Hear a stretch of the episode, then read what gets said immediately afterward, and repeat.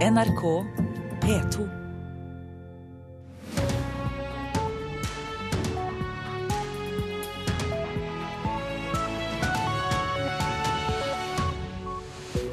Fredag 17. oktober er det i dag, og vi ønsker velkommen til Nyhetsmorgen. 6.30 er dette overskriftene.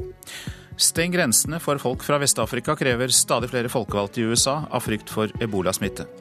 Det blir flere privatskoler, men fortsatt ikke lov å tjene penger på dem. Regjeringen legger fram ny friskolelov. Regjeringens eh, frie behandlingsvalg blir et pengesluk, ja det hevder Arbeiderpartiet. Og de fleste ungdomsbøker eh, skrives og omtales av eh, kvinner. Guttene vil ikke lese dem, sier forfatter Erik Fossnes Hansen. Jeg tror at for å få gutter til å lese, så må man også være veldig bevisst på at gutter kanskje i spe spesielt i en bestemt alder ønsker seg en annen type bøker enn jenter ønsker seg. Her i studio, Øystein Heggen. Ja, i USA krever stadig flere folkevalgte at grensene stenges for folk fra ebolarammede land i Vest-Afrika. Under en høring i Kongressen i går måtte direktør for USAs smittevernsenter svare på mange kritiske spørsmål om hva som gjøres for å hindre at flere amerikanere smittes. De folkevalgte har egentlig fri for å drive valgkamp foran kongressvalget om tre uker. Men med to syke amerikanske sykepleiere og ett dødsfall som følge av ebola, bestemte ledelsen i Komiteen for energi og handel at det måtte innkalles til krisehøring. Fred Upton, republikaner fra Michigan, viste i sitt innlegg til at Jamaica og flere land i Vest-Afrika har stengt grensene for reisende fra Liberia og andre hardt rammede stater. Hvorfor kan ikke vi innføre et lignende forbud for folk som er eller ikke er smittet, når vi vet at det kan ta opptil tre uker før sykdommen bryter ut, sa Fred Upton fra Representantenes hus. Upton hadde ikke særlig tålmodighet med mannen som har den vanskelige oppgaven med å lede USAs smittevernsenter gjennom krisen, Tom Frieden. Right now we know who's coming in. If we Akkurat nå vet vi hvem som kommer inn. Hvis vi forsøker å stanse flytrafikken, øker muligheten for at folk forsøker å ta seg inn over landjorda fra andre steder. Vi vet ikke hvor de kommer, og da er det mye vi ikke får gjort, sa Frieden.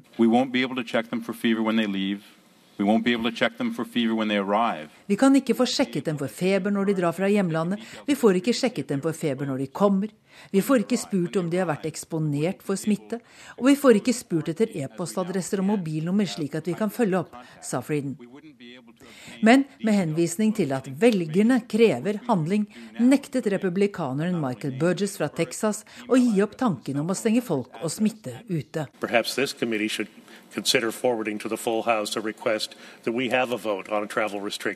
Kanskje denne komiteen kan foreslå at Representantenes hus stemmer over et forslag om reiserestriksjoner, sa Burgess. Tidligere er det kjent at spikeren i huset, John Bainer, støtter et slikt forslag. For øvrig ble smittevernsenteret kraftig kritisert for å ha gitt grønt lys til at en av sykepleierne som behandlet avdøde Thomas Eric Duncan, fikk reise med fly fra Ohio til Dallas, trass i at hun hadde feber.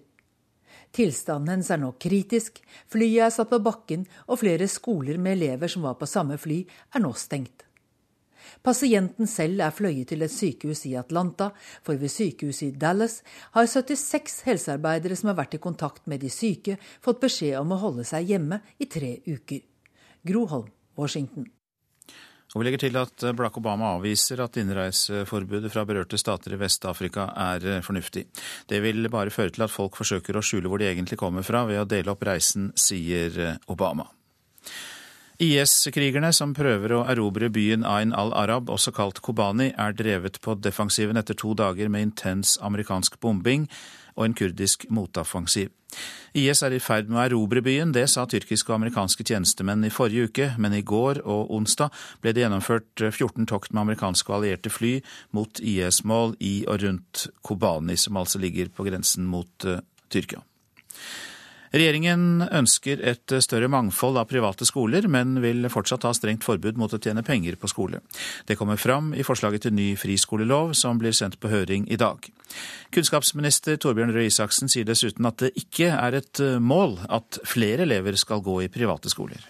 Vi åpner for at man kan ha noen flere typer skoler. F.eks. at man kan få lov til å åpne et realfagsgymnas. Eller at man kan få lov til å åpne f.eks. En, en rørleggerskole, hvis man har lyst til det. I regjeringserklæringen åpnet Høyre og Frp for statlig støtte til alle typer privatskoler. Men nå begrenser de seg til skoler med en tydelig profil innen fag som kunst, kultur, realfag og yrkesfag. Det vi ikke gjør i denne loven, det er å åpne for at man kan starte en hvilken som helst type friskole. Isaksens målsetting er en ny friskolelov med bred støtte i Stortinget som kan stå seg over tid, og som ikke reverseres med en ny regjering. Mer om denne saken i Politisk kvarter, og reporter her var Line Tomter og Håvard Grønli. Dersom navnet ditt blir søkt opp i skattelistene i år, så får du vite hvem som står bak søket. Tidligere var den informasjonen anonym, men det har Stortinget endret. Ivrige brukere av skattelistene, som altså kommer i dag, må dermed være forberedt på å bli avslørt av deres søkeobjekter. Og en spørrerunde på gaten forteller oss at det er ganske forskjellig hvem folk vil søke på. Ja, jeg ville søkt på Jens Stoltenberg. Faren min. Ja, Røkke. ja. Jeg holdt på å si på kona mi, men det skal jeg ikke si. De søker på forskjellige navn, men med samme formål. Å finne ut av hva andre folk tjener. Og det er de ikke alene om. Tall fra skatteetaten viser at 900 000 av oss logget inn på deres nettsider det siste året for å sjekke hva naboen, kameraten eller kjendisene tjente. Hallo, du. Du er eh, interessert i skattelister? Sjefen for Skattedirektoratet, Hans Christian Holte, forteller at det nå blir endringer i dagens system. I tillegg til at søkere må være fylt 16 år, er det nytt at du nå får vite hvem som har sett deg nærmere i kortene. Du får vite hvem som har søkt eh, på deg, altså hvem som har søkt om dine opplysninger eh, i skattelistene. Det har du muligheten til å se hvis du går inn eh, selv og, og sjekker. Da får du opp både navn, fødselsår, postnummer og poststed på den som har søkt. Skattedirektøren tør ikke spå hvor mange søk det blir innen neste år, men føler seg sikker på at det vil bli færre enn tidligere. Nå tror jeg man vil være litt mer bevisst hvorfor man går inn eh, og søker, nettopp fordi man vet at man også blir identifisert som eh, søker. Så spørs det da om de nye reglene vil påvirke søkevanene våre i framtiden. Jeg tror ikke vi kommer til å gjøre det noe mer nå, nei. Hvordan hadde du reagert hvis du fant ut at naboen eh, søkte deg opp? Nysgjerrig Per.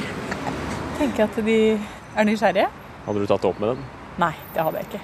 Nei, nei, nei. nei. Det, jeg driter i det, rett og slett.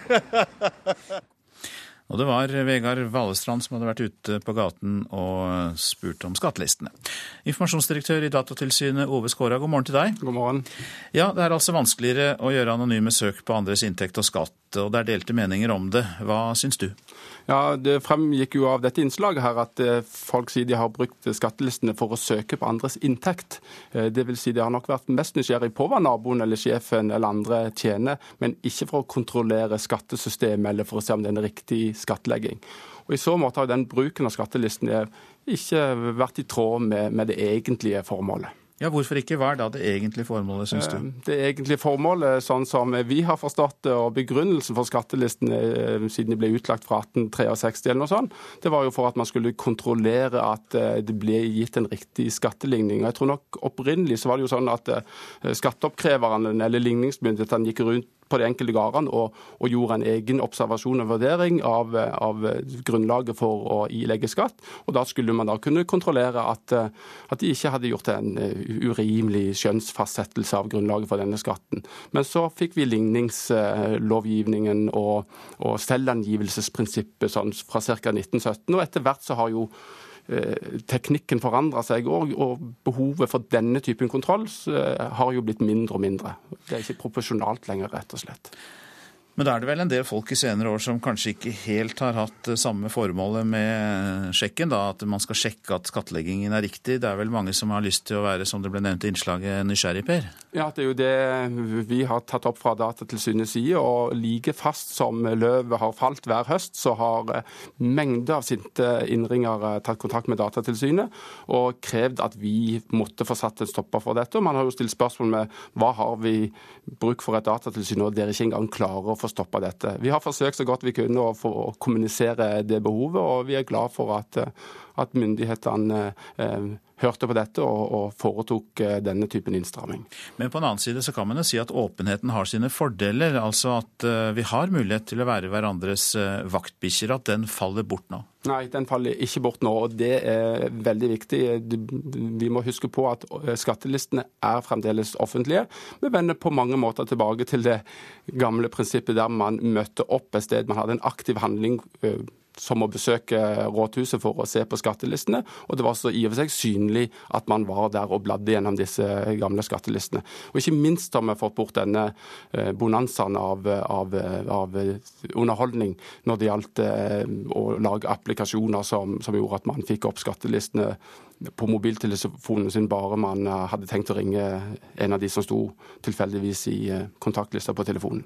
Ja, Så det er mulig å sjekke naboens inntekt og formue, men det er litt mer komplisert å få til? Ja, det er noe mer komplisert å få til. Det vil si man er nødt til å gjøre en litt mer aktiv handling enn å bare besøke nettsidene på et medie og foreta søkene servert der. Da var det også den gang, før 2011, mye større mulighet for, eh, for feil. Ting ble ikke retta opp hvis det faktisk faktisk lå feil i ligningen, eller det lå adresser som ikke burde ha ligget ute på, på internett. Og Nå får naboen vite at du har undersøkt inntekten hans? Ja, men hvis du er veldig opptatt av å ikke bli, eh, bli identifisert, så er det selvfølgelig fortsatt mulig å be en eh, kamerat eller venn til å gjøre søket for deg. Så, så den muligheten finnes nok fremdeles. Det er noen som takker for det tipset, da kanskje.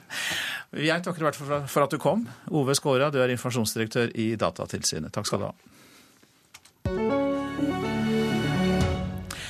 Statsbudsjettet beviser at regjeringens prestisjereform fritt behandlingsvalg blir et byråkratisk pengesluk. Det mener Arbeiderpartiets Torgeir Micaelsen. I budsjettet foreslår regjeringen å bruke 150 millioner kroner til pasientbehandling med fritt behandlingsvalg neste år, og 20 millioner går til administrasjon og dataverktøy. Det er nesten 12% i administrasjonskostnader, som er mange ganger høyere enn det vi eh, har ellers i helsetjenesten. Og de pengene kunne vi brukt til å behandle pasienter raskere enn å ansette flere helsebyråkrater. Med fritt behandlingsvalg skal pasienter få mulighet til å velge privat behandling ved godkjente institusjoner. Ordningen innføres i første omgang for noen pasientgrupper neste år. Det er kommet advarsler, også fra helsefaglig hold, om at ordningen kan bety mye byråkrati. Vi bygger ikke opp et nytt eh, byråkrati. Eh, vi eh, bygger videre på det som ligger der i fritt sykehusvalg. Sier leder i Stortingets helsekomité, Kari Kjønaas Kjos fra Frp. For de 20 millionene skal ikke bare gå til fritt behandlingsvalg. Det handler om den ordningen vi har hatt i mange år, med fritt sykehusvalg. Det handler også om pasienter som har fått brutt behandlingsfristen, og de som får innvilget behandling i utlandet, sier hun. Nå lager vi et helt nytt eh, system hvor dette samles i en god, ny dataløsning som setter pasienten i sentrum. Og så vil fritt behandlingsvalg også komme inn under det. Men alle de 20 millionene skal vel ikke gå til en ny dataløsning, en ny dataplattform? Det er eh, både å utarbeide nye rutiner og eh, nye funksjoner, men datasystemer koster fryktelig mye. Michaelsen på sin side blar opp i regjeringens statsbudsjett, hvor det står at det foreslås 20 millioner kroner til forvaltning og IKT som følge av ordningen med fritt behandlingsvalg. Men fritt behandlingsvalg det er en helt ny ordning. Det skal f.eks. utvikles eh, IKT-løsninger. Er det ikke da naturlig at det koster litt mer i startfasen? Det er klart at det vil være noen større startkostnader, men jeg syns likevel tallene er oppsiktsvekkende store. Eh, sett i forhold til hva regjeringen selv foreslår skal gå til selve behandling. Arbeiderpartiets Torgeir Micaelsen der, og reporter Katrin Hellesnes.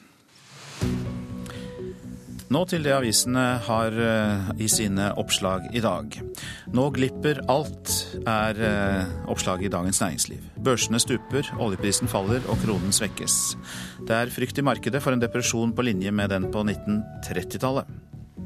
Det blir tøffere for vikarene, skriver Dagbladet. Regjeringen foreslår endringer som kan føre til 12-timersdag, 79 timers uke og 26 søndager i strekk med jobb. Hun var ungkommunist på vei inn i Kinas maktelite, nå er hun toppleder i Norge. Aftenposten forteller om Sandra Xiao, som demonstrerte på Den himmelske freds plass, men forlot Kina og nå er leder i Schibsted-konsernet. Hun kjenner ubehag når hun ser demonstrantene i Hongkong, og håper at historien ikke gjentar seg der. Rasmus Hansson fra Miljøpartiet og de, de, Grønne åpner for en allianse med Arbeiderpartiet, KrF og Senterpartiet, kan vi lese i Dagsavisen. Men Miljøpartiet stiller harde klimakrav til et samarbeid. Et av dem er en ny klimalov, et annet omstilling til et bærekraftig samfunn. Nasjonen forteller at det fortsatt er for lite vedlikehold av jernbanen her i landet. Selv om det er bevilget 21 milliarder neste år, vil Jernbaneverket ha 17 milliarder kroner ekstra for å stoppe forfallet. Emir Samava ønsker å slåss for konge og fedreland, men det får han ikke lov til, selv om han har norsk statsborgerskap, skriver Klassekampen. 18-åringen har foreldre fra Irak og nektes derfor førstegangstjeneste. Forsvaret vil ikke ut med hvilke land som står på forbudslisten. Kristne avholdsfolk på cannabistur kan vi lese om i Vårt Land. Et ektepar i 80-årsalderen som ble rammet av kreft, handlet på det illegale rusmarkedet for å få cannabis for å døyve smertene. Etter lang tids kamp fant de en lege som ville skrive ut medisinsk cannabis. Ola Amundsgaard forteller Nordlys om hvordan han ble millionær på pokerspill på internett. 25-åringen er oppført med over 12 millioner kroner i inntekt. Men det er ikke lettjente penger, forsikrer Ola. Du må være strukturert og ha kontroll på følelsene. Viktor på åtte år er på VGs forside i dag. Han har nemlig reddet pappas liv fem ganger. Stig Hem Lian har epilepsi, og sønnen har flere ganger hjulpet ham når livstruende anfall har kommet. Petter Solberg må ha en bilprodusent i ryggen dersom han skal klare å kjempe om en VM-tittel i rallycross. I dag skal eh, den tidligere verdensmesteren møte Citroën, og Solberg er optimist før møtet. Vi vil vinne mer. Det er jo det som er eh, litt av planen. Og fabrikks-VM for bilmerket også er jo sentrum å vinne. Målene er klare, men fortsatt har ikke Petter Solberg noen avtale med en bilfabrikk i boks. Det håper han å få gjort noe med, kanskje allerede i dag. Møtet med bilprodusenten Citroën kommer etter mange samtaler om et samarbeid, og det er mange detaljer som skal diskuteres. Avtale angående hvordan teamet skal bli rønna, hvilken support du skal få, eh, både teknisk og rundt med bil, eh, ansvaret med motor og en marketingplan rundt som skal eh, gjøres rundt Worldwide. Årets sesong endte med VM-gull, og da uten en fabrikk i ryggen. Men satsinga framover vil kreve mer. Citroën er én av tre som har meldt sin interesse for den norske rallycrossføreren. Det er mitt team. Jeg eier dette teamet her, og det er jeg som har bygd det opp. Så hvordan det skal jobbes rundt med det, og folk internt fra Citroën for å komme inn, det må, vi, det må vi diskutere. Solberg vet ikke når en eventuell avtale kan være på plass. Men han er såpass sikker på en kontrakt med en bilprodusent kommende sesong at han ikke har lagt en plan B jeg, ikke, jeg, har, jeg, har ikke tenkt på at noe går i vasken, for å si det helt ærlig. Det er, eh, dette her ser bra ut, og det er plan A, og vi holder oss til plan A. Reporter Vibeke Unnhjem. Der var klokka 6.48. Vi har disse hovedsakene. Steng grensene for folk fra Vest-Afrika, krever stadig flere folkevalgte i USA av frykt for ebolasmitte. Det blir flere privatskoler, men fortsatt ikke lov å tjene penger på dem. Det går fram av regjeringens forslag til ny friskolelov. Og I dag er skattelistene kommet, men du må være klar over at den du søker opp inntekten til, får vite at det er du som har sjekket dem. Psykiater Siri Nome frykter at psykiatrien bidrar til selvmord. Hun har i 15 år hatt ansvar for sikkerhetskompetansen ved Sandviken psykiatriske sykehus i Bergen, men kanskje sykehusbehandling ikke hjelper alle suicidale pasienter, sier Nome. Jeg er redd det at det kan være mer det motsatte, at folk mister motet. Det tenker jeg er nesten psykiatriens fallitt, på en måte. Vi har hatt en god del sånn, og det er ikke bra. At behandlingen tar fra folk motet? Ja, for noen så kan det hende det er det. Vi kjenner jo flere av disse. Dette høres ut som en sjølransaking sånn faglig fra de side? Ja da, det er jo det. At det er ganske skrekkelig for oss. Siri Nome har jobba 26 år ved Sandviken psykiatriske sykehus. Tre år som sjeflege, og de siste 15 åra som leder for Helse Vest kompetansesenter for tryggleikspsykiatri. Det er jo ille når folk har hatt en del innleggelser, og så ender de med å gjøre Eh, suicid da. Mistet motet eller håpet. De er medmennesker, kan du si, vi svikter, da. Og Hva er grunnen til det? Ja, nei, Vi skjønner oss jo ikke helt på hvordan de har det, kanskje. Og det kan være eh, fatalt av og til, altså. Ja. Sykehuset har siden 90-tallet fått færre sengeplasser, men ei dobling av antall pasienter. Og ei kraftig øke i naturlige og unaturlige dødsfall blant pasientene. På mandag forsvarer Nome si doktorgradsstudie av denne utviklinga. Annet øken i selvmord. For alle aldersgrupper. Veldig mange unge altså som gjør det. Men det er ikke noe som slutter i, etter noen unge år eller noe. Det er ekstra høyt for våre pasienter mellom 30 og noen og 40 års alderen. da. Og Det tenker jeg er også ekstra alvorlig at man gjør selvmord. Sånn i litt mer voksen alder, altså. Nome er svært uroa over at hvert tredje selvmord skjer mindre enn tre måneder etter at pasienten ble skrevet ut fra Sandviken sykehus. 30% av suicidene har skjedd så kort etter. De tre første månedene. Så da ble de skrevet ut for tidlig? Det gjør jo de, da.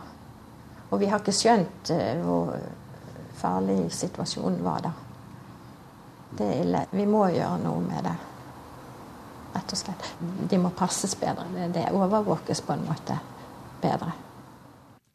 Siri Nome hørte vi der, leder for Helse Vests kompetansesenter for sikkerhetspsykiatri. Og i Helse Vest sier de ansvarlige at de er klar over problemet og jobber for å redusere selvmordstallene blant pasientene. Reportasjene var laget av Leif Rune Løland. Arbeidsmiljølovens 70-årsregel bør heves til 75 år, mener Statens seniorråd. I dag er det slik at arbeidsgiver alltid kan si opp ansatte som har fylt 70. Rådet vil endre på det, og også fjerne muligheten for å ha en lavere bedriftsintern aldersgrense. Statens seniorråd mener det ikke er bevist at produktiviteten blir mindre med alderen. Det er et klart kvinneflertall blant de som arbeider med barne- og ungdomslitteratur. Forfatter Erik Fosnes Hansen mener bøkene bærer preg av det. Han mener vi trenger flere bøker tilpasset tenåringsgutter. Dagbladet skal nå kåre tidenes beste ungdomsroman, men i juryen på ti er det bare to menn, og det illustrerer problemet, mener Erik Fosnes Hansen. Jeg syns det er en veldig skjevhet i eh, kjønnsfordelingen her mellom kvinner og menn. Forfatter Erik Fosnes Hansen reagerte da han så et bilde av juryen på Dagbladets nettsider. Han mener bildet er et eksempel på kjønnsfordelingen i ungdomsbokbransjen, og at dette også preger ungdomsbøkenes innhold. Fosnes Hansen mener at tematikken i bøkene preges av typiske jentetemaer, og at for å få opp leselysten hos unge gutter, må bøkene ha mer spenning og action. Det er et veldig stort flertall av kvinner, og ikke noe galt med det, men eh, jeg tror at for å få gutter til å lese, så må man også være veldig bevisst på at gutter kanskje i en spes spesielt i en bestemt alder ønsker seg en annen type bøker enn jenter eh, ønsker seg. Dagbladets litteraturanmelder og bokansvarlig Marie Kleve hadde ansvaret for å velge ut jurymedlemmene. Hun sier at de kunne tatt hensyn til en jevnere fordeling, men at kvinneflertallet i bransjen også preget juryen. Når det gjelder folk som jobber med, med barne- og ungdomslitteratur, altså nå tenker jeg ikke på forfattere, men på dem som jobber med formidling spesielt, så, så er det en overvekt av kvinner. Og dermed så blir det naturlig at det også gjenspeiles i, i juryen, da. Og da jeg selv var barn, så leste jeg jo Hardy-guttene, og jentene leste Frøken Detektiv. Men det var jo også sånn at eh, jeg leste Frøken Detektiv i smug. Det var bare det at jeg ikke ville at noen skulle få vite om det. De nasjonale prøvene i lesing de siste årene viser at tenåringsgutter har dårligere leseferdigheter enn jentene. Forfatter Tom Egeland mener man skal være forsiktig med å generalisere, men mener samtidig at det er viktig å kunne tilby guttene større mangfold for å få opp ferdighetene og leselysten. Gutta må også finne bøker som appellerer til dem og deres sans for uh, det være seg spenning eller mystikk eller action. Uh, og, og, så det er vanvittig viktig at uh, tilbudet av bøker er bredt rikt. Redaksjonssjef Ylendal, Eva Thesen, syns at boktilbudet til unge er nettopp bredt og rikt. Hun er uenig i at kvinneflertallet i bransjen preger bøkenes innhold. Jeg er vel egentlig ikke enig i det. Jeg syns ikke uh, det er så mange av uh, bøkene våre som dreier seg om uh, relasjoner og drama og den biten der. Jeg syns det er mange som, som er enten morsomme eller spennende. Denne reportasjen var laget av Jarl Nymo. Språkdirektør Arnfinn Muruvik Vonen har søkt ny jobb som førsteamanuensis ved Universitetet i Oslo. Det gjør han etter bare tre og et halvt år i stillingen. Åremålet som språkdirektør det gikk fram til 2017. Jeg syns det er utrolig morsomt å tenke på muligheten for å være med og utvikle og videreutvikle en eh, språkpolitikk som, eh, som er helhetlig i dette landet. Det sa Arnfinn Murevik Vonen til Kulturnytt da han i februar 2011, for tre og et halvt år siden, ble presentert som ny språkdirektør. Den viktigste stillingen i norsk språkliv, som daglig arbeider med å styrke det norske språkets status og bruk på alle samfunnsområder. Det er virkelig en jobb som jeg gleder meg til å ta fatt på. Men nå, to og et halvt år før stillingens åremål utløper, har Vonen søkt en ny jobb som førsteamanuensis innen allmennlingvistikk ved Universitetet i Oslo. Han ønsker ikke å bli intervjuet, men han bekrefter at han har søkt ny jobb, og sier dette til NRK. Den stillingen som er utlyst ved Universitetet i Oslo, er den første faste vitenskapelige stillingen innenfor mitt fagfelt på flere år, mens direktør for Språkrådet er en åremålsstilling. Utover det vil jeg ikke kommentere noe nå, midt i ansettelsesprosessen.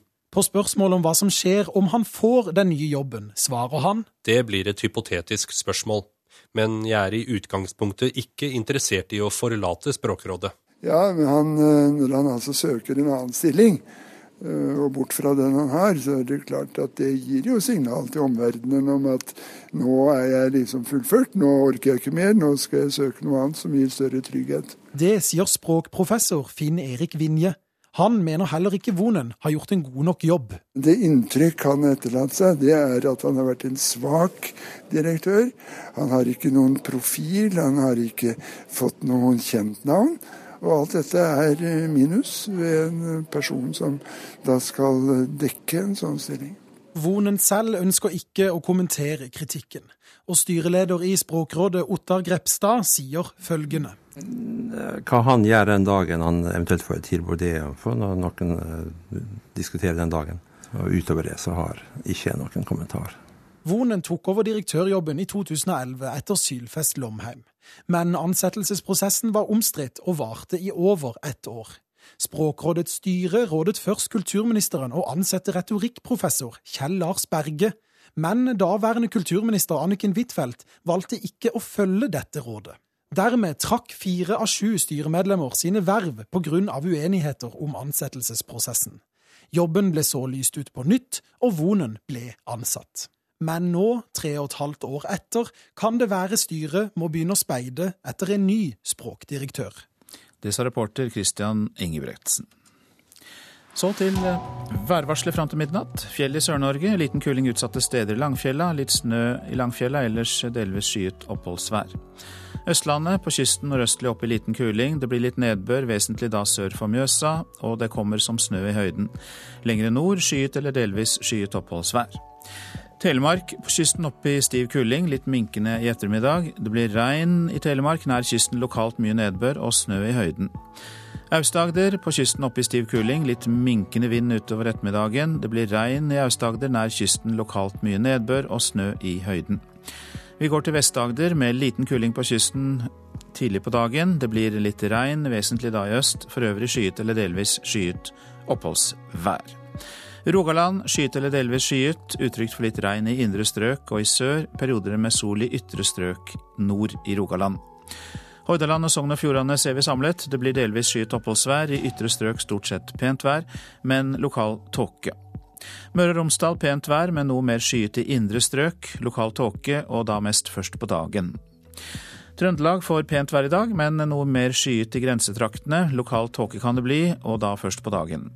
Nordland fra Salten og nordover enkelte regnbyger og snø i fjellet. Ellers opphold og perioder med pent vær i Nordland.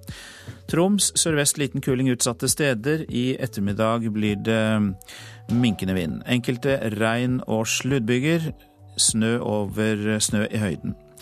Finnmark sørvestlig opp i liten kuling utsatte steder, i ettermiddag vestlig. På vidda og i Øst-Finnmark stort sett oppholdsvær. Ellers enkelte regn- eller sluddbyger. Snø over 300-500 meter. I kveld sluddbyger i hele området. Nordensjøland på Spitsbergen litt snø. I eh, formiddag dreiende nordlig, og det blir eh, oppholdsvær. Og så til slutt temperaturene målt klokka fem. Svalbard lufthavn minus sju, Kirkenes minus to, Vardø null, Alta pluss to, Tromsø-Langnes og Bodø fire. Brønnøysund én, Trondheim og Molde null, Bergen fire, Stavanger og Kristiansand fem, Gardermoen én grad, Lillehammer to, Røros minus to og Oslo-Blindern pluss tre grader klokka fem i natt.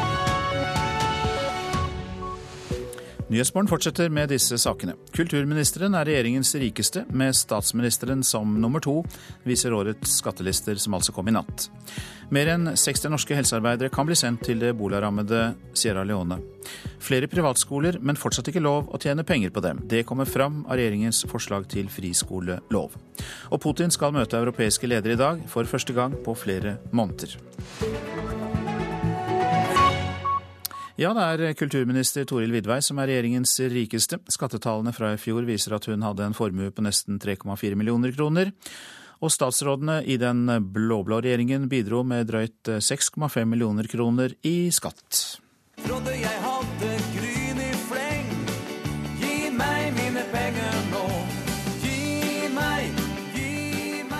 Vidvei har de siste årene jobbet som styreleder eller styremedlem i en rekke private selskap, før hun altså ble kulturminister i fjor høst. Nummer to på listen er hun som egentlig er nummer én, statsminister Erna Solberg. I de foreløpige tallene fra Skattedirektoratet er hun oppført med en formue på nesten 1,5 millioner kroner. Altså, Du må jo se på din egen lommebok om du har råd til å kjøpe en gård. Landbruksminister Sylvi Listhaug selv hadde null i formue, mens fiskeriminister Elisabeth Aspaker er tredje kvinne på pallen med drøyt 790 000 kroner. Nummer fire på regjeringens egen rikingliste er statsråd Vidar Helgesen, med en formue på 300 000. Den femte statsråden som er oppført med formue, er kommunalminister Jan Tore Sanner, med 17 000 kroner, godt under grensen for å måtte betale formuesskatt. Vi skal ha et rettferdig skattesystem som gjør at de som har mest, også betaler mest. I alt bidro altså regjeringsmedlemmene med 6,5 millioner kroner til felleskassa i fjor. Aller mest skatt betalte kulturministeren, mens Helgesen betalte minst. Og siden statsrådene ikke var statsråder før regjeringen tiltrådte for et år siden, er inntektsnivået høyst ulikt. Utenriksminister Børge Brende er oppført med den høyeste nettoinntekten i fjor, drøyt 4,7 millioner kroner. Det skal lønne seg mer å jobbe, spare og investere, samtidig som folk skal få beholde mer av sine egne penger. Et lite glimt der fra det finansminister Siv Jensen sa da hun la fram forslaget til statsbudsjett. Reportere her Katrin Hellesnes og Vilde Helgesen. Marianne Martinsen, velkommen til deg. Du sitter i Stortingets finanskomité for Arbeiderpartiet. Og ehm, det er jo slik nå at dersom navnet ditt blir søkt opp i skattelistene, så kan du få vite hvem som står bak dette søket. Tidligere har denne informasjonen vært anonym, det har Stortinget endret på. Ehm, men Arbeiderpartiet var ikke med på det. Hvorfor det? Nei, vårt prinsipp har hele tiden vært at skatteopplysninger skal være enkelt tilgjengelig.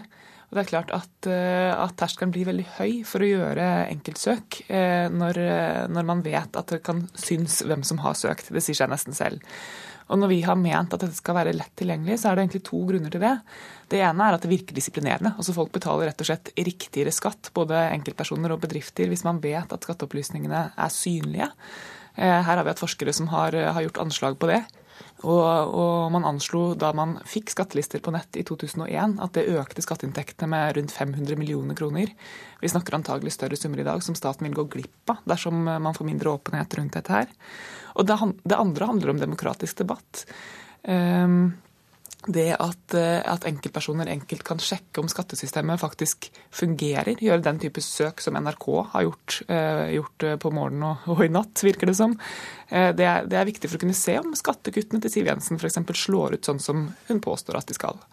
Datatilsynet hadde vi jo i studio her litt tidligere, og de har jo vært en pådriver for endring fordi de mener at skattelisten ikke ble brukt slik intensjonen var. altså mm sjekke korrekt skattlegging. Det ble laget mobilapper, tilgangen var veldig enkel, misunnelsen fikk råde. Mm. Nå er det noe mer begrenset og mer seriøst. Ja, vi har jo vært opptatt av å finne en god balanse her. Fordi vi så jo eh, mens vi satt i regjering at dette var i ferd med å utvikle seg i helt gal retning. Man kunne jo f.eks. laste ned apper som, kom, som kobla skattelistene direkte mot din egen Facebook-venneliste for å gjøre en rangering. Hva ville dere gjøre med det? det? Nei, Vi gjorde jo noe med det. Vi, vi stramma jo inn på den måten at du nå bare kan gå inn på skatteetaten sine sider mm. for å søke, og du må logge deg inn med min ID. Og du kan bare gjøre enkeltsøk, ikke lage lister. Det mente vi ivaretok hensynet til seriøsitet og det å unngå at dette bare ble ren underholdning. Eh, men ved det grepet som nå er gjort, så er det klart at terskelen for å søke blir såpass høy at det i praksis ikke er særlig tilgjengelig lenger. Og det beklager vi. Er det ikke rimelig da at den som eh, sitter der og snoker, også må vite at eh, den man snoker på, kan få kunnskap om det? Så Det kommer litt an på hva slags holdning man har til, til, søk i skattelistene. Jeg er ikke enig i definisjonen av at det er snoking. Jeg mener at dette er offentlig tilgjengelig informasjon. Det har det alltid vært, også før internetts tidsalder. Jeg husker selv da jeg var barn og gikk eh, på vegne av korpset og solgte skattelister på dørene til folk. Mm. Det er vi, det er vi kanskje heldigvis kvitt. Vi har alle vår fortid, ja.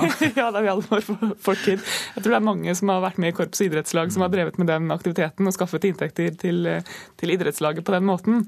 Men dette, dette, prinsippet har vært at dette har vært offentlig tilgjengelig informasjon. Og det er som sagt både disiplinerende, det vet vi, eh, og, og jeg mener at det har et demokratisk aspekt ved seg, det at vi skal kunne enkelt sjekke om skattesystemet fungerer etter intensjonen. Hvem skal du søke opp i skattelisten i dag, da, Marianne Martinsen? Du vet hva, Jeg har ikke pleid å gjøre sånne søk i det hele tatt. Jeg er ikke spesielt, eh, spesielt interessert i det. Jeg gjorde det ikke da det var, var enda enklere tilgjengelig enn i dag. Men, eh, men, jeg regner med at jeg selv blir utsatt for søk, så da får jeg vel gå inn og sjekke hvem som har gjort det, da. Okay. Takk skal du ha for at du sto opp tidlig og kom til oss i dag, Marianne Martinsen, som altså er i finanskomiteen for Arbeiderpartiet. Nå skal vi høre at mer enn 60 norske helsearbeidere kan bli sendt til de ebolarammede områdene i Sierra Leone. Helsedirektoratet har eh, planene klare for norsk innsats der. 220 helsearbeidere har allerede meldt seg til tjeneste. Helsedirektør Bjørn Gullvåg er ikke overrasket over den store interessen. Men jeg kjenner norsk helsepersonell, og jeg vet at det er eh, veldig mange med solide verdier, og som har eh, ønske om å bidra i alvorlige situasjoner. Så Kanskje ikke så overrasket, men eh, imponert og glad.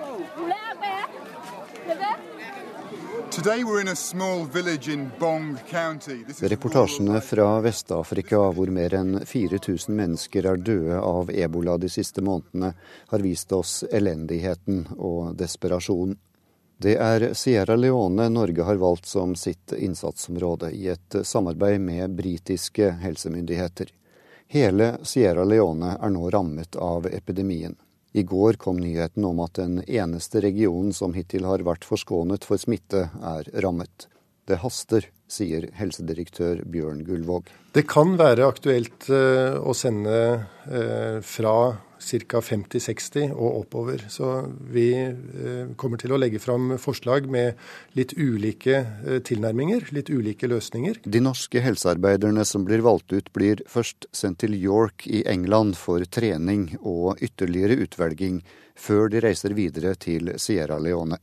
Det blir lagt vekt på både personlige og faglige egenskaper, sier helsedirektøren.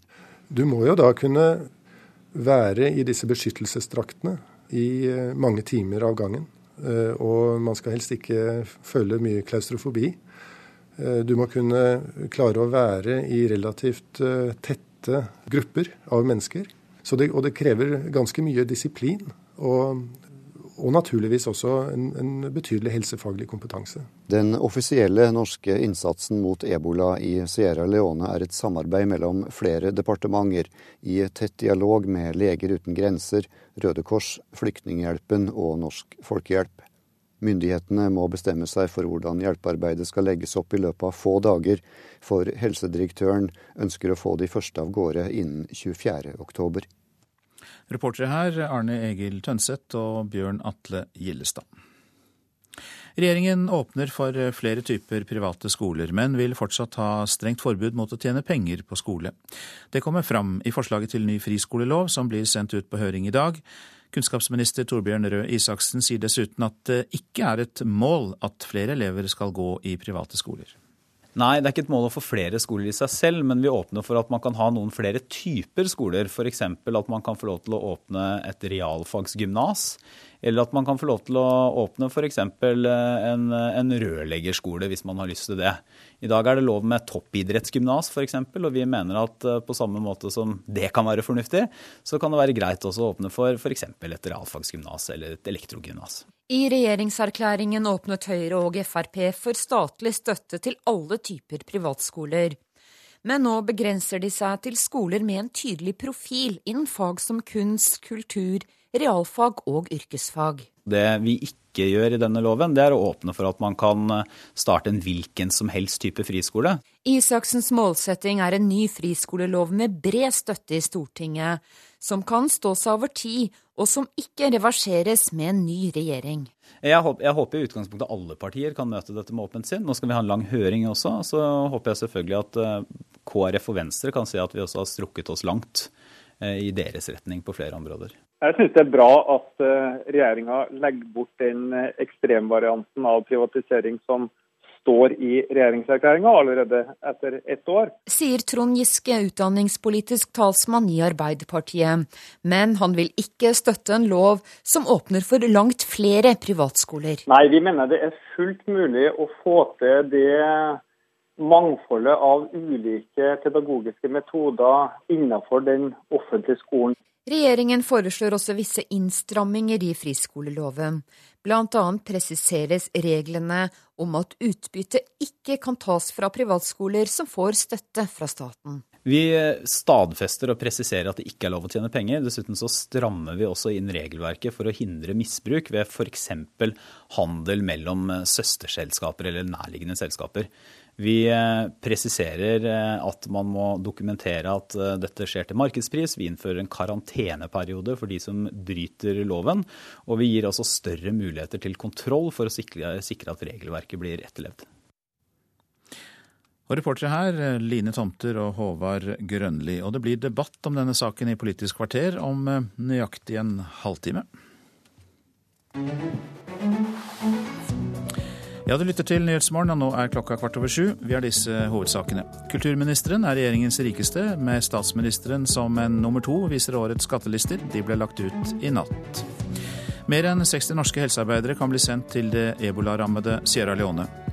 Og flere typer privatskoler, men fortsatt ikke lov å tjene penger på dem. Det kommer fram av regjeringens forslag til friskolelov, hørte vi nettopp.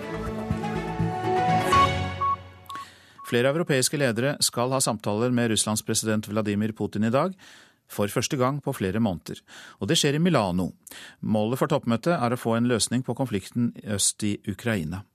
Korrespondent Morten Jentoft, du er med oss fra Odessa i Ukraina. Og hva er forventningene der du er til dagens toppmøte? Forventningene er jo store. Ukrainsk eh, TV, alle TV-stasjonene følger selvfølgelig nøye med det som skjer i, eh, i, Milano. Kan det møtet endelig eh, bringe krisen øst i Ukraina ut av det dødvanne? Vi har jo fått meldinger fra uroområdet Donbass de siste dagene om, om, om mange drepte, både sivile og militære. Forventningene er jo store at dette møtet skal bringe denne konflikten ut av det dødvannet, som jeg sier. Men samtidig så er jo folk realistiske her. Det har vært møter tidligere som det ikke har kommet så veldig mye ut av. Mange forstår at dette er en prosess som kommer til å ta lang tid. Hva kan konkret komme ut av dette møtet?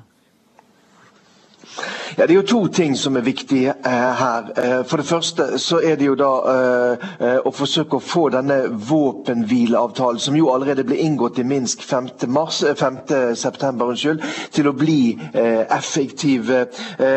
altså få en, en virkelig fred til befolkningen øst i i eh, Ukraina. Eh, det er jo eh, noe av det viktigste som skal diskuteres. Men i tillegg til det så skal man også da diskutere denne gassdisputten som er mellom Ukraina og Russland. Russland har jo stengt det hørtes ut som det var en av gass til Ukraina. Og her i Ukraina er jo folk selvfølgelig mer ja, Det er en vrien forbindelse til eh, Odessa i Ukraina der. Vi eh, hører at Morten Jentoft eh, kommer og går på linjen til oss. Jeg vet ikke om vi fortsatt har kontakt med ham. Det er veldig ustabilt. Vi sier takk til deg, Morten Jentoft, for den rapporten og det vi fikk med oss der. Håper på en bedre linje neste gang vi tar kontakt. Det er på ny kamper i den libyske byen Benghazi. Styrker alliert med general eh, Khalifa Heftar slåss mot islamistiske militser om kontrollen over Libyas nest største by. Det har kommet rapporter om at egyptiske jagerfly deltar i kampene, men Egypts utenriksminister benekter dette overfor NRK. Benghazi var byen hvor revolusjonen som felte Muammar Gaddafi startet. Men i dag er byen alt annet enn hva innbyggerne da håpet den skulle bli. Den har blitt en krigssone, delvis kontrollert av islamistiske militser, og etter drapet på USAs ambassadør der, symbolet internasjonalt på alt som har gått galt i Libya etter Gaddafis fall. De siste dagene har det igjen vært harde kamper i byen. Den tidligere generalen Khalifa Heftar, soldater samt styrker fra den libyske hæren har startet en offensiv for å ta tilbake byen fra islamistene, så langt uten å lykkes. De islamistiske militsene, blant dem Ansar al-Sharia fra den nærliggende byen Derna, sørget nylig for å stenge flyplassen i byen og tok over flere militærbaser. Igjen er det kommet påstander om at fremmede fly, muligens egyptiske, har deltatt i kampene på general Heftars side, akkurat som de gjorde det under kampene i Tripoli. Men Egypts utenriksminister Sameh Shukri avviser overfor NRK at egyptiske baser brukes til å angripe Libya. The, the were, uh, were party to, to some of these rumors and uh, we have not, we have not taken any military action in Libya. Skulle Egypt, muligens med hjelp fra De forente arabiske emirater, være direkte innblandet på regjeringen og Heftars side, vil det kunne åpne for ytterligere regional innblanding i konflikten. Det er allment antatt at Qatar og også Sudan bistår den islamistiske siden både politisk og med våpen. Disse militsene har sammen med styrker fra byen Misrata allerede tatt over hovedstaden Tripoli, mens det folkevalgte parlamentet sitter maktesløst klemt inne i den lille kystbyen Tobruk. De har lite de skulle sagt til Libya, men anses av utenomverdenen som landets rette representanter. Shukri sender en advarsel med tydelig adresse om ikke å bruke makt mot folkevalgte. Terrorism, the use of force. Uh, this is a, an important aspect, and you cannot extract through the use of terrorism or, or military force. Alle burde gi opp våpenmakt og terrorisme. Det går ikke an å presse fram dette med våpen eller terror der det libyske folk har talt, sier han videre. Ikke uten en viss ironi, siden han selv representerer en regjering som kuppet makten i fjor sommer fra det folkevalgte muslimske brorskap og deres allierte, dog med langt mer folkelig støtte. Men slik har Midtøsten blitt i etterspillet av de folkelige oppstandene i 2011. Frontene er skarpe, og våpnene taler høyest, slik de nå gjør i Libya. Men ingen regner med noe snarlig gjennombrudd fra noen av partene i Benghazi, og Røde halvmåne oppfordrer nå til våpenhvile, slik at de sivile som sitter fast i kampene, kan evakueres. Sigurd Falkenberg Mikkelsen, Kairo. Så har vi oppnådd kontakt igjen med Morten Jentoft, eh, vår korrespondent som nå er i Odessa i Ukraina. og Vi snakket om det møtet mellom eh, Vladimir Putin og europeiske ledere. Eh, Putin sa jo tidligere denne uka til en serbisk avis at sanksjonene hemmer alle forsøk på fredelig løsning. Og Hva er status for sanksjonene nå? Ja, Sanksjonene blir opprettholdt fra EUs side. I går kveld, sent i går kveld var det et møte mellom Vladimir Putin og den tyske forbundskansleren Angela Merkel. Og eh, De satt jo sammen i to timer eh, og diskuterte. Det er jo eh, revet med at Tyskland fremdeles spiller en nøkkelrolle for å få til en løsning på denne krisen. her. Nå sender begge parter ut et referat fra det møtet der man sier at det er fremdeles store forskjeller i synet på det som skjer i, i Ukraina. Og Det er ikke noe som tyder på at eh, Merkel og EU er villige til å heve sanksjonene eh, foreløpig. Men her kan det jo komme til å skje kanskje ting i løpet av dagen. Vi vil jo være avhengig av hva slags signaler Vladimir Putin sender ut i forbindelse med det møtet som man skal ha med Ukrainas eh, president Pjotr Porosjenko, og der også Merkel og flere ledere fra EU skal være til stede. Mange takk, korrespondent Morten Jentoft. Du var altså med oss fra Odessa, og du Eh, kommenterte dette møtet som da skal skje i dag mellom eh, Vladimir Putin og eh, europeiske ledere.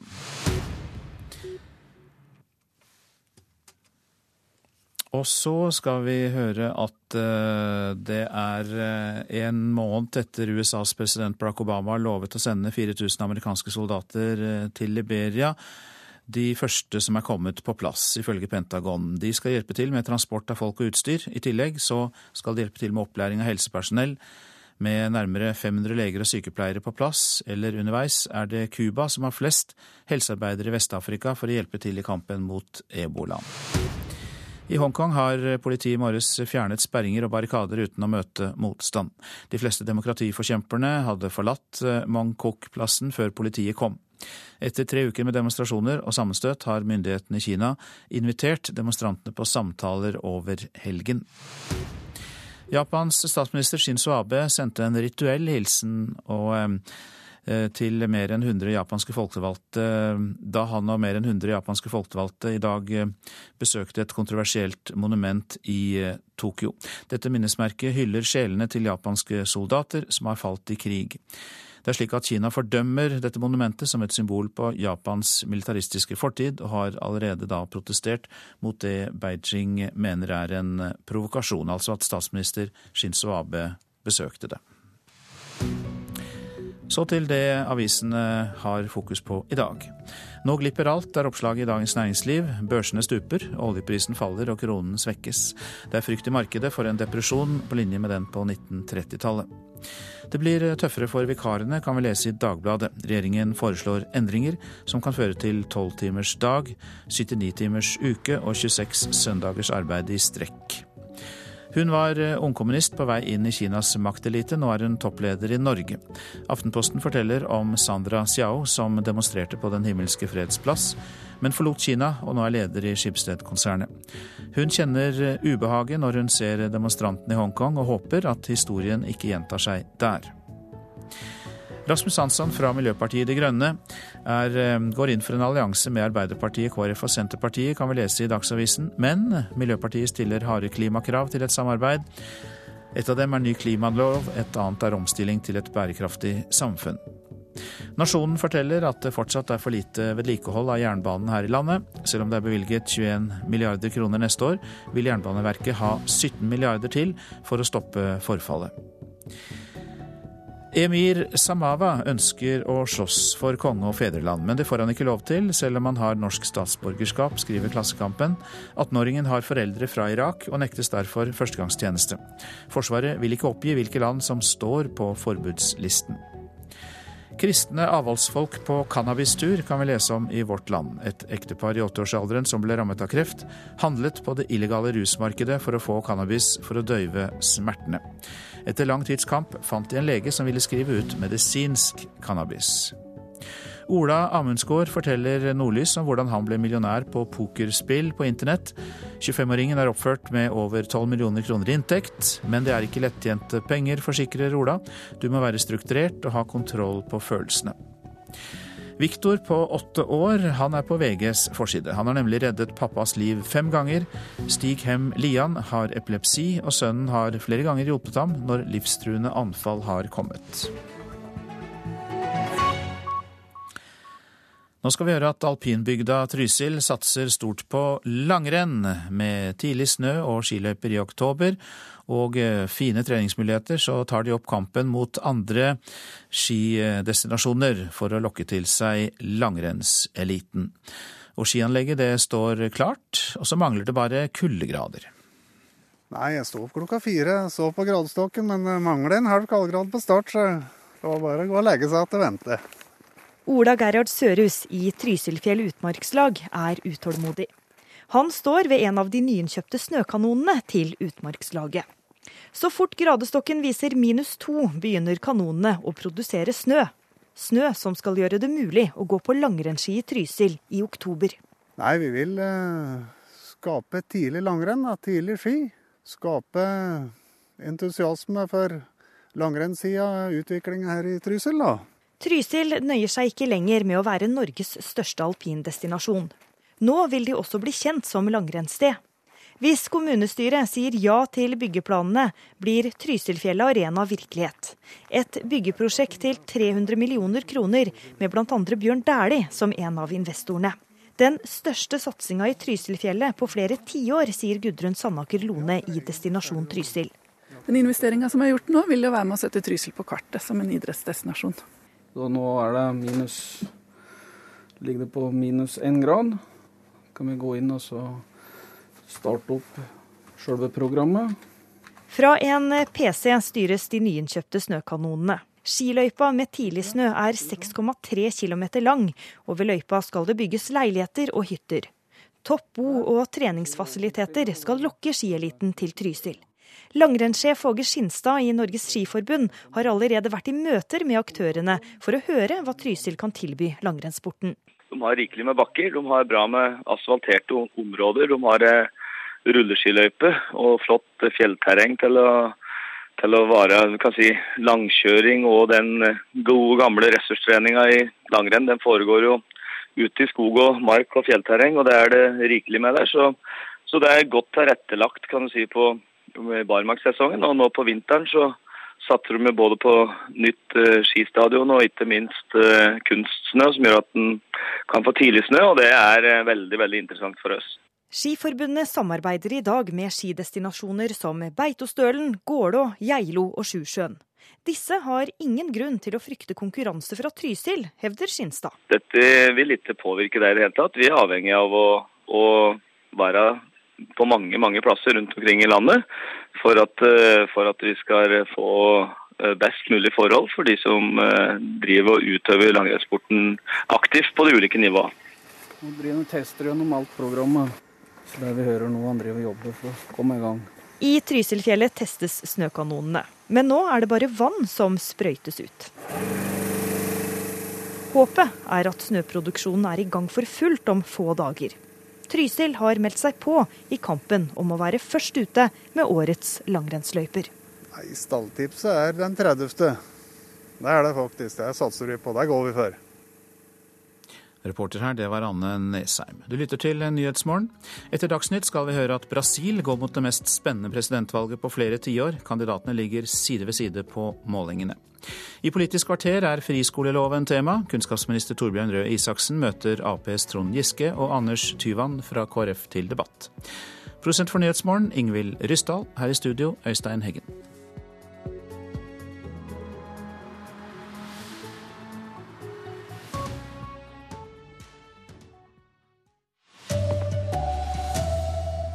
Ei 19 år gammel kvinne er den nest rikeste her i landet, etter Kjell Inge Røkke. Over 200 norske helsearbeidere vil dra til Vest-Afrika for å kjempe mot ebolaepidemien. Og sykkelsporten er full av spiseforstyrringer, sier Tor Hushovd. God morgen, her er NRK Dagsnytt klokka 7.30. Kjell Inge Røkke er den aller rikeste personen i Norge. Det synes skattelistene som ble frigjevne i natt. På andreplass kommer altså en 19-åring, Katarina Andresen.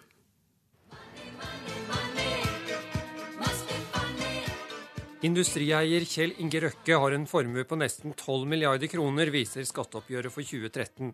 På andreplass med rundt 4,5 milliard følger 19 år gamle Katarina Andresen, arving til familiekonsernet Ferd, tidligere mest kjent som Tobakks-Andresen. Deretter følger næringslivstoppen Trond Moen i Bergen og hans sønn Fredrik. Eiendomskongen Olav Thon, som toppet den samme lista i fjor, er nå nede på 26.-plass etter at han overførte alle aksjene til en stiftelse. Ser man på hvem som tjente mest i fjor, var det kraftinvestor Einar Aas i Grimstad som topper lønnslista, med 313 millioner. Tett fulgt av Trond Moen og forretningsmannen Terje Høili i Fredrikstad. Mest skatt var det Moen som betalte med 135 millioner til fellesskapet, fulgt av Røkke og Einar Aas i Grimstad. Olav Thon, som i 2012 betalte over 124 millioner kroner i skatt til Hole kommune i Buskerud, betalte i fjor snaue 31 millioner. Altså et kraftig inntektstap for den kommunen. Ja, det var Tom Ingebrigtsen som orienterte. Og dersom noen søker opp navnet ditt i skattelistene, får du nå vite hvem det er. Tidligere har denne informasjonen vært anonym, men det har Stortinget endra på i år. Ivrige brukere må med andre ord være budde på å kunne bli avslørt av den de har søkt på, og det står ikke på nysgjerrigheten blant folk flest. Ja, jeg ville søkt på Jens Stoltenberg. Jeg holdt på å si på kona mi, men det skal jeg ikke si. De søker på forskjellige navn, men med samme formål. Å finne ut av hva andre folk tjener. Og det er de ikke alene om. Tall fra skatteetaten viser at 900 000 av oss logget inn på deres nettsider det siste året for å sjekke hva naboen, kameraten eller kjendisene tjente. Du er eh, interessert i skattelister? Sjefen for Skattedirektoratet, Hans Christian Holte, forteller at det nå blir endringer i dagens system. I tillegg til at søkere må være fylt 16 år, er det nytt at du nå får vite hvem som har sett deg nærmere i kortene. Det har du muligheten til å se hvis du går inn eh, selv og, og sjekker. Da får du opp både navn, fødselsår, postnummer og poststed på den som har eh, søkt. Så spørs det da om de nye reglene vil påvirke søkevanene våre i framtiden. Nei, nei, nei. nei. Det, jeg driter i det, rett og slett. Reporter Vegard Valestrand. Flere enn 60 norske helsearbeidere kan bli sendt til de ebolaråka områdene i Sierra Leone innen kort tid i statlig regi. Helsedirektoratet har nå planen klar for den norske innsatsen i Vest-Afrika. 220 helsearbeidere har allerede meldt seg til tjeneste. Helsedirektør Bjørn Gullvåg er ikke overraska over den store interessen. Jeg kjenner norsk helsepersonell, og jeg vet at det er uh, veldig mange med solide verdier, og som har uh, ønske om å bidra i uh, alvorlige situasjoner. Så kanskje ikke så overrasket, men imponert og glad.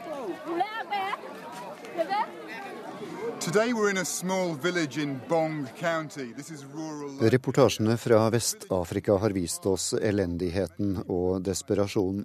Det er Sierra Leone Norge har valgt som sitt innsatsområde i et samarbeid med britiske helsemyndigheter. Hele dette landet er nå rammet av epidemien, og det haster, sier helsedirektør Bjørn Gullvåg. Det kan være aktuelt uh, å sende uh, fra ca. 50-60 og oppover. Så vi uh, kommer til å legge fram forslag med litt ulike tilnærminger, litt ulike løsninger. De norske helsearbeiderne som blir valgt ut, blir først sendt til York i England for trening og ytterligere utvelging, før de reiser videre til Sierra Leone. Den offisielle norske innsatsen mot ebola i Sierra Leone er et samarbeid mellom fire departementer i tett dialog med flere hjelpeorganisasjoner. Myndighetene må bestemme seg for hvordan arbeidet skal legges opp i løpet av få dager, for helsedirektøren ønsker å få de første av gårde innen 24. oktober. Reportere Bjørn Atle Gildestad og Arne Egil Tønseth. I USA krever stadig flere folkevalgte at grensene blir stengte for folk som kommer fra ebola-råka land i Vest-Afrika. Under ei krisehøring i Kongressen i går måtte direktøren for USAs smittevernsenter svare på mange kritiske spørsmål. Republikanske Fred Upton synte til at flere andre land har stengt grensene for reisende fra de ebola-råka landene. Why cannot we move to a similar ban Hvorfor kan ikke vi innføre et lignende forbud for folk som er eller ikke er smittet, når vi vet at det kan ta opptil tre uker før sykdommen bryter ut, sa Fred Upton fra Representantenes hus. Chairman, a, a Upton hadde ikke særlig tålmodighet med mannen som har den vanskelige oppgaven med å lede USAs smittevernsenter gjennom krisen, Tom Frieden. Right now we know who's coming in. If we Akkurat nå vet vi hvem som kommer inn.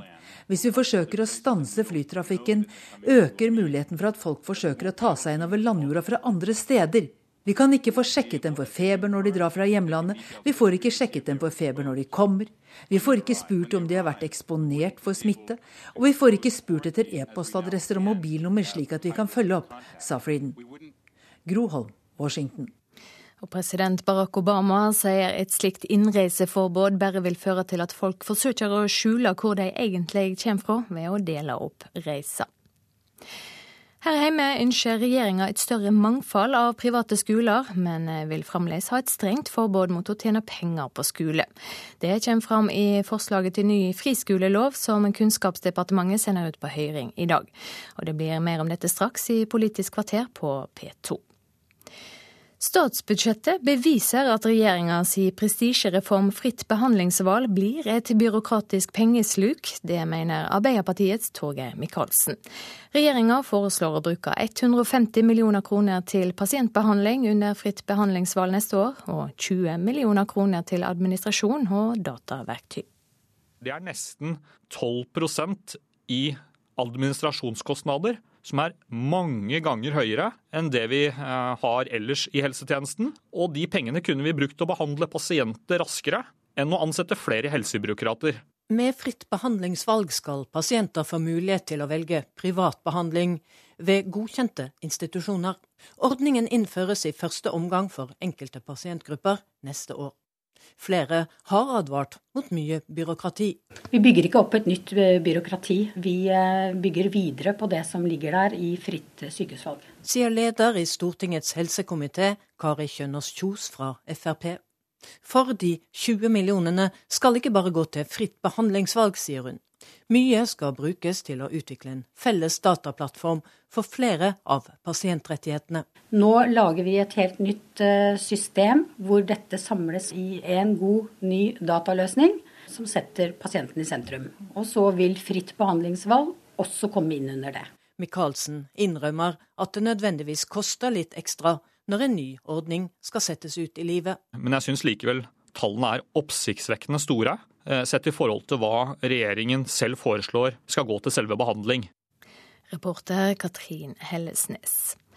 Så sport. Spiseforstyrringer er et kjempeproblem blant syklister, det sier Tor Hushovd. Han forteller i boka si om det enorme fokuset på vekt i profflaga. Syklister stort sett er på grensa til, til syke på det, for det, det er veldig viktig. Vi må være helt på grensa av fettprosent. Oksen fra Grimstad forteller at han med sine 183 cm ikke alltid har hatt det like lett med å forholde seg til sykkelsportens strenge krav. I boka Thor forteller Hushovd om det han mener er et vilt og hysterisk fokus på vekt og kosthold. Jeg som en eh, kraftig kar da, i sykkelsammenheng har jo eh, blitt møtt med hva skal jeg si, eh, Istedenfor å hilse på meg, så tar de, går de rett på magen og kjenner mye og tykk den valken er. Og nordmannen med én VM-tittel og ti etappeseiere i Tour de France er ikke i tvil om at mange ryttere rett og slett lider av spiseforstyrrelser. Det er garantert at uh, syklister har hatt uh, spiseforstyrrelser. Uh, for det er jo et stort fokus på det. Tor Hushovd til reporter Vibeke Unnhjem. Ansvarlig for Dagsnytt denne morgenen, Anders Borgen Werring. Teknisk ansvarlig, Marianne Myrhol. Her i studio, Silje Sande.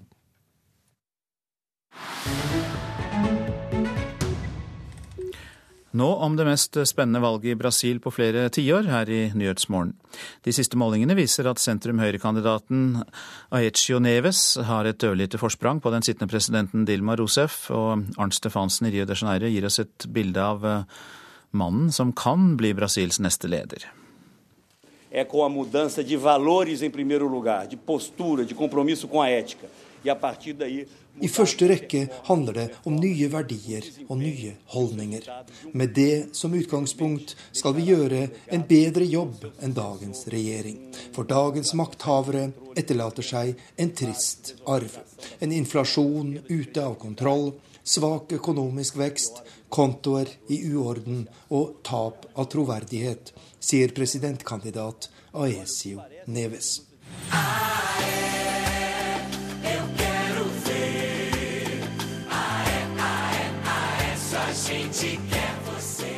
Han er blitt kalt en playboy og en overklassegutt, og begge deler har en solid kjerne av sannhet. Men han er også en erfaren og dyktig leder og politiker med lang fartstid som guvernør i Brasils nest største delstat Minas Gerais og som senator i Brasils nasjonalforsamling. Og han er født inn i politikken barnebarn av Tancredo Neves, landets første folkevalgte president etter diktaturet. Aesio Neves overrasket alle da han gjorde et brakvalg i første valgomgang her i Brasil for to uker siden. Med mer enn 32% av stemmene gikk han videre til ny valgrunde, og ligger nå side om side med venstresidens kandidat Dilma Rousef på meningsmålingene. Et av hans beste kort i valgkampen er påstandene om at ansatte i Brasils største selskap, statsoljeselskapet Petrobras, har betalt store summer i bestikkelser til medlemmer av presidentens parti. Dette er ekstremt alvorlig, sier Aesio Neves på pressekonferansen her i Rio. Jeg vil gjøre det klart overfor alle brasilianere at mitt mål er å gjenreise verdigheten til det offentlige Brasil. Jeg lover å gi tilbake våre statlige bedrifter til det brasilianske folk. Og jeg er svært motivert for å gå inn i denne kampen, som utvilsomt blir hard, fordi det ligger meg på hjertet å skape en effektiv regjering av personer med verdighet og ære, sier presidentkandidaten. Aesio Neves har størst oppslutning blant velstående brasilianere og hans løfter om mindre statlig innblanding, mindre byråkrati og en effektiv kamp mot inflasjonen har skaffet ham mange og mektige venner i brasiliansk næringsliv. Men han har også betydelig støtte i den såkalte klasse C, Brasils store og raskt voksende lavere middelklasse. Aesio Neves fra sentrum-høyrepartiet PSDB er Brasils mest omtalte politiker i øyeblikket. Neste søndag får vi vite om han blir ny president i verdens sjette største økonomi.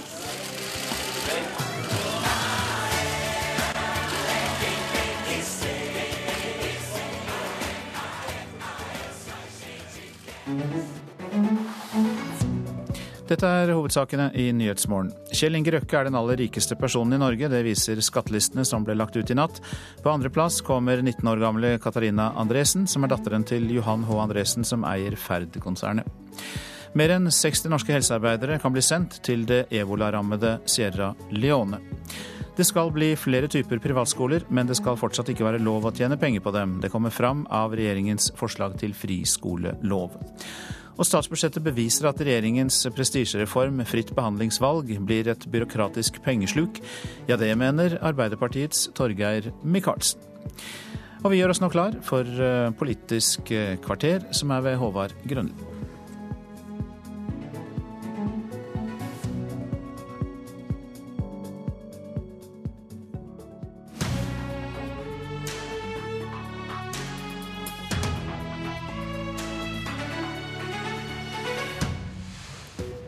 Det skal bli vanskeligere å tjene penger på skoledrift. Regjeringa sier de ikke vil ha flere private skoler, og det blir ikke fri etableringsrett. Regjeringa er klar med forslag til ny friskolelov. Er dette noe Trond Giske kan bli skremt av? Det får vi forhåpentligvis svar på i løpet av sendinga. Velkommen til Politisk kvarter. Det store ideologiske skillet i skolepolitikken de siste åra har vært synet på privateide skoler. Bondevik II-regjeringa åpna opp for flere med sin friskolelov. De rød-grønne stoppa utviklinga og døypte om lova til privatskolelova.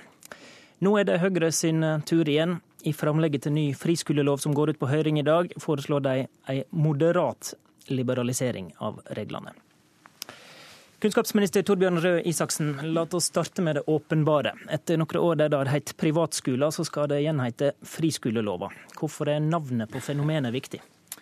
Navnet er ikke fryktelig viktig, men det er rett og slett for å skille disse skolene som får statsstøtte, fra skoler som er helt private, som ikke får statsstøtte. Og Det er for eksempel, ja det finnes flere eksempler på de, f.eks. internasjonale skoler, eller ja, Bjørknes eksempel er en sånn type privatskole. På hva måte skal det nå bli lettere for private skoleeiere å starte opp det dere da vil skal hete friskoler? Ja, det blir ikke lettere å starte opp skoler. Eh, den eh, liberaliseringen og innstrammingen vi gjør nå, den har tre hensikter. Det første er at vi har en lov hvor hvor det er et behov for rett og slett en modernisering. Den har vært der en stund. Det er en del ting som har endret seg. Nå har vi sett hvordan utviklingen har gått. Da er det på tide med en lovrevisjon. Så er hensikt nummer to det er å tillate noen nye typer friskoler. Og Vi har pekt på to typer som vi mener kan være fornuftige. Det er eh, yrkesfagskoler i nært samarbeid med næringslivet, og det vi kaller for faglige profilskoler. Og så er Den tredje hensikten vår det er å stramme inn på en del av regelverket. Eh, være tydelig på at det fortsatt vil være forbud mot å ta ut profitt, men også gjøre det vanskeligere å misbruke reglene. Og så er det vel heller ingen hemmelighet når man ser på dette, at vi har eh, Dette er ikke akkurat det Høyre og Fremskrittspartiet har i vår regjeringserklæring. Nei. Så vi strekker oss nå eh, langt inn mot sentrum eh, for å forsøke å få til en lov som kan gi forutsigbarhet for sektoren. Samtidig som da alle får litt, og vi også må gi litt. Hvorfor er den forutsigbarheten viktig, da? Jo, fordi eh, det er, det er, to grunner. For det første så er det viktig for de mange skolene som er der ute i dag, at de kan ha en viss sikkerhet for rammevilkårene sine framover. Og så har det også vært antydninger til at hver gang det kommer opp en ny debatt om friskoler eller privatskoleloven, så er alt på bordet. Vi så f.eks. at uh, i vinter så hadde vi en stor debatt med utgangspunkt i egentlig en muslimsk friskole, men som også sådde tvil om kanskje noen av de religiøse skolene vi allerede har i dag. Så jeg tror at ved at vi nå legger fram en lov som er moderat, med noen oppmykninger, men også klare innstramminger, og da går langt mot sentrum, så har vi en sjanse til å få en lov som kan gi oss en del forutsigbarhet i årene fremover. I oppmjukinga di så er begrepet profilskole sentralt. Hva er en profilskole? Eh, en profilskole har vi definert som en skole med en tydelig faglig profil som vesentlig skiller seg fra det som er vanlig i den offentlige skolen.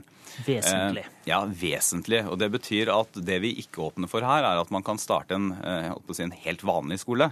Da må det være f.eks. en type realfagsgymnas. En skole som spesialiserer seg på kunst og kultur f.eks. er to muligheter. Så må jeg også si at Vi skal jo nå ha dette forslaget ut på en lang og grundig høring. Så skal vi høre hva forskjellige parter, organisasjoner, friskoler og andre har å si. Og så må vi også se på de innspillene og hvordan disse forslagene blir mottatt. Men Du nevner realfagsgymnas, altså videregående som eksempel, men profilskole skal du også kunne starte opp på barnetrinnet? Ja, du har også en mulighet til å starte opp eh, profilskoler på barnetrinnet. Hva ser du for deg da? Nei, det er for eksempel, det var jo et eksempel på det i, eh, i eh, Aftenposten i dag, f.eks. Hvor man har en skole som da eh, har mer idrett og mm. mer sport. Det var en ungdom, ungdomsskole, men skal man kunne, kunne starte opp en realfagsbarneskole? Ja, altså hvis du, har, hvis du, har, lyst til å starte en skole, og den skiller seg vesentlig fra de, skoletypene som eksisterer i dag, og har lyst til f.eks. å starte en skole som spesialiserer seg på matematikk Eh, så skal det også være en mulighet til det innenfor det forslaget vi har lagt fram nå. Vi vender oss til Trond Giske fra Arbeiderpartiet, leder i utdanningskomiteen på Stortinget. Hva blir eh, konsekvensen av det forslaget her, tror du? For det første, La meg begynne med noe som er bra. Jeg syns det er positivt at eh, man for det første sier at hensynet til integrering skal være et element i den skjønnsvurderinga av private skoler. Eh, det er en veldig uheldig utvikling, tror jeg, hvis vi får en masse privatskoler hvor eh, barn blir sortert eh, etter ulike religioner, hvor muslimske barn går i muslimske skoler, kristne går i kristne, jødiske går i jødiske osv. I dagens samfunn trenger vi møteplasser. Og Det vil ikke dette forslaget føre til? Jo, dette forslaget åpner faktisk for at det med integrering skal være en skjønnsvurdering. Mm og det syns jeg er positivt. Mm. Jeg syns også det er bra at eh, man går bort fra det som står i regjeringserklæringa og i Høyre og FrPs program om at eh, private aktører skal ha en rett til statsstøtte om man oppfyller visse formalkrav. Eh, det er det ingen offentlige skoler som har. Der må man spare hver eneste krone, og det ville vært helt feil å åpne en slik mulighet for de private. Og Vi må også huske at det er jo ikke nye penger som går til de private skolene. Hver krone som går i støtte til de private, hentes fra det offentlige skolebudsjettet. Så for hver privat skole som opprettes, må det legges ned en eh, offentlig. Men så til det som, eh, om ikke gjør det meg skremt, så i hvert fall eh, er jeg sterkt skeptisk til.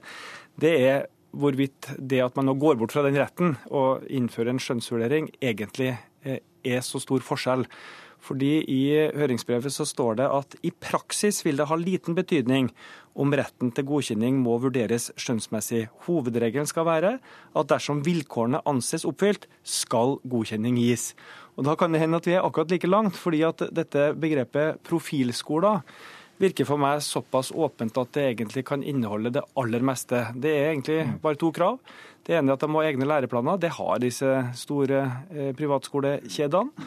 Og det andre er at man skal ha en spesiell oppmerksomhet om et eller annet fag, men men med veldig begrensa rammer, for så vidt jeg leste dette høringsnotatet, så kan man omdisponere bare inntil 5% av timetallet. Det betyr egentlig bare én time i uka. Isaksen vil spørre om det. Er dette omgrepet profilskole er det skreddersydd for å kunne øke mengden private skoler? Nei, eh, men det er jo da en åpning for flere typer skoler. Og så mener jeg det er veldig viktig å si at det er en forskjell på å ha en skjønnsvurdering, som er da det samme prinsippet som ligger i dagens lov, altså den rød-grønne friskoleloven, og det det å ha en vilkårlighet. Altså Det må jo selvfølgelig være sånn at alt annet likt, så må like tilfeller behandles likt. Det er god forvaltningsskikk, og jeg tror ingen ønsker seg et system som er annerledes. Da ville det jo vært sånn at statsråden nærmest var en solkonge som kunne plukke ut skoler etter eget forgodtbefinnende, og det ønsker vi ikke. Så er det jo også sånn at når det gjelder finansieringen, så mener jeg at Giske er litt upresis. For det, det er jo ikke sånn at når man oppretter en privatskole, så må det legges ned en offentlig skole. For det første sånn at De private skolene de får 85% av støtten per elev som den, den, offentlige skolen får. De finansieres også fra staten. Men det er også sånn at det forslaget vi fremmer nå, har akkurat den samme finansieringsordningen som det dagens friskolelov har. Og vi har også beholdt akkurat de samme reglene for kommunens innsigelse. og Det betyr at hvis en etablering av en friskole har negative konsekvenser for skolestrukturen, så er det slik at da får man ikke godkjennelse. Eh, vi går videre. Midt mellom eh, kunnskapsministeren og Giske så sitter partiet som alle vil ha med på laget i dette spørsmålet. Eh, under de rød-grønne inngikk KrF et privatskoleforlik med daværende regjering, og nå har den blå regjeringa kommet med et forslag som er tilpassa KrF, etter det vi forstår. Anders Tyvand. Hva er KrF sin eh, respons på det forslaget Torbjørn Røe Isaksen kommer med? Jeg er på lik linje med Trond Giske glad for at eh, regjeringen går bort fra sitt eh, ønske om å gi alle som oppfyller visse kriterier, en rett til å starte skole. Det ville vært et frislipp.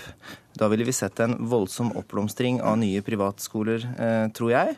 Eh, og det ønsker vi ikke i KrF. Kan du da allerede si at dette kommer KrF til å støtte? Nei, Det jeg kan si er at uh, vi, er, vi, er, glad for at uh, kunnskapsministeren har tatt et betydelig skritt i retning av det som er KrFs ønskede politikk. Men nå skal denne saken ut på høring. Uh, vi er veldig spent på hvilke innspill vi får der, og så skal vi ta stilling til dette når, når saken kommer til Stortinget. Men jeg syns at, eh, at, den retningen eh, departementet nå har tatt, er, er, veldig positiv. Det jeg også er litt uh, usikker på, det er hvordan man klarer å ramme inn dette med profilskoler. Mm. Uh, for jeg er også redd for at den åpningen skal bli for vid, uh, og at dette i praksis blir fritt fram for alle som ønsker det. Giske til det. Ja, nei, altså, Jeg er enig med det Anders Tyvand sier. Jeg, for at, uh, Nøkkelen ligger jo i uh, hvor bred eller hvor smal den døra med såkalte profilskoler uh, blir. Blir det et par ekstra skoler som driver med musikk eller litt matematikk, da er det greit. så er det, ja, altså, vi har hatt et bredt kompromiss i mange tiår i Norge. Eh, om privatskoleloven. KrF eh, var sammen med rød-grønne partiene om den loven som ble vedtatt i 2007, og vi har ca. 3% av elevene i grunnskolen i private skoler. Det er jo Høyre og Frp som har avviket fra det brede eh, flertallet. Men, men, men, hvis, den, jo, men hvis denne tilgangen er smal, da, sånn at det blir få skoler, sånn som du sier, er da dette noe som til og med Arbeiderpartiet kan være med på? Altså, Jeg mener at det hadde vært veldig positivt med et bredt forlik for elevenes skyld, men også for disse aktørene sin skyld. Det blir helt sikkert en eller annen gang et rød-grønt flertall igjen. og det dumt om vi skal liksom gå fra den ene grøftekanten til den andre og åpne og legge ned skoler. Men bare for å ta ett punkt til. For det første så sier Torbjørn Isaksen at det er staten som betaler. Vel, hver krone staten betaler, hentes fra kommunen. Sånn at Det er bare to måter å spare på på et skolebudsjett. Det er å si opp lærere og legge ned skoler. Og Du risikerer å komme i en ond sirkel i den offentlige skolen hvor dette skjer, og det er en uro vi ikke trenger. Men det er et punkt til her også, og det er disse yrkesfagskolene. For der er det fritt fram. Driver du med yrkesfag, så kan du opprette. Det er jeg veldig skeptisk til. fordi at det vi trenger faktisk på yrkesfag, er en sterkere regulering av plassene. For vi ser at vi nå tar inn elever i første og andre som det ikke finnes læreplasser til. Så jeg mener at vi trenger en sterkere koordinering med hvor mange vi tar inn på ulike yrkesfag, for å dimensjonere det til arbeidslivets behov og hvor mange læreplasser som egentlig finnes. Dette vil innebære stikk motsatt retning. Isaksen, til det om forlik. Klarer du å, og er det et mål for deg å innrette dette sånn at du kan få et bredt politisk forlik, der til og med Giske er med? Nei, altså vi, vi legger jo fram det vi legger fram nå. Det er regjeringas forslag. Og så må selvfølgelig Stortinget behandle dette. Og vi har jo da, som, som KrF nevnte også, vi har strukket oss eh, langt. Eh, bl.a. på grunnlag og formål, eh, at det ikke er en rettighetslov. Eh, og så har vi også, som vi ikke har diskutert så mye her, har vi noen innstramminger som jeg mener også er fornuftige. Bl.a. så innfører vi en karanteneperiode hvis du har blitt tatt for grovt misbruk av regelverket. Vi gir også større muligheter til å kontrollere om man faktisk bruker pengene på det det skal brukes til, nemlig elevene. Og så må jeg, jeg, er ikke, jeg er ikke enig i at denne loven gir et frislipp ei heller på yrkesfag. Eh, og jeg synes det er veldig viktig å si at For det første så rammes jo dette veldig tydelig inn ved at man må ha et klart og tydelig samarbeid med næringslivet og aktørene. Eh, den andre tingen er jo at også her så vil jo kommunen og fylkeskommunens mulighet til å komme med innsigelser være ivaretatt på samme måte som i dagens lov. Og Det innebærer jo f.eks. at hvis man sier at det at det skal etableres et tilbud her, det vil ha f.eks. betyr at vi må legge ned en skole, ja, så er det en så stor negativ konsekvens at en ny skole vil ikke bli tillatt. Det står rett i høringsbrevet. Der står det at, at endringer i skolestrukturen ikke alene kan være grunn til å si nei til en skole. Nei, altså, men skole, skole, Nå sier du det motsatte. Nei, nei, altså skole, det at du f.eks. må eh, flytte noen, flytte noen klasse, men hvis det har negative konsekvenser. Men dette er jo akkurat det samme regelverket som altså Vi viderefører jo her det samme regelverket som har eksistert i siden 2007 i den rød-grønne friskoleloven. Og der er det med negative konsekvenser for lokale skoletilbud er klart og tydelig forankra. KrF til slutt. Eh, dere må eh, for å sikre Røe Isaksen flertallet her, egentlig skifte side eh, på dette spørsmålet. Er dere klare for det? Jeg er klar for å trekke politikken også på dette området inn mot sentrum, for det er der vi finner de gode løsningene, også når det gjelder friskoler. Og jeg er veldig glad for at eh, det kommer signaler både fra Arbeiderpartiet og fra Høyre om at de er villige til å ta et skritt mot sentrum og ønsker en bredest mulig enighet. Takk til Anders Tyvand, Torbjørn Røe Isaksen og Trond Giske. Politisk kvarter i dag var ved Håvard Grønli. Hør flere podkaster på nrk.no podkast.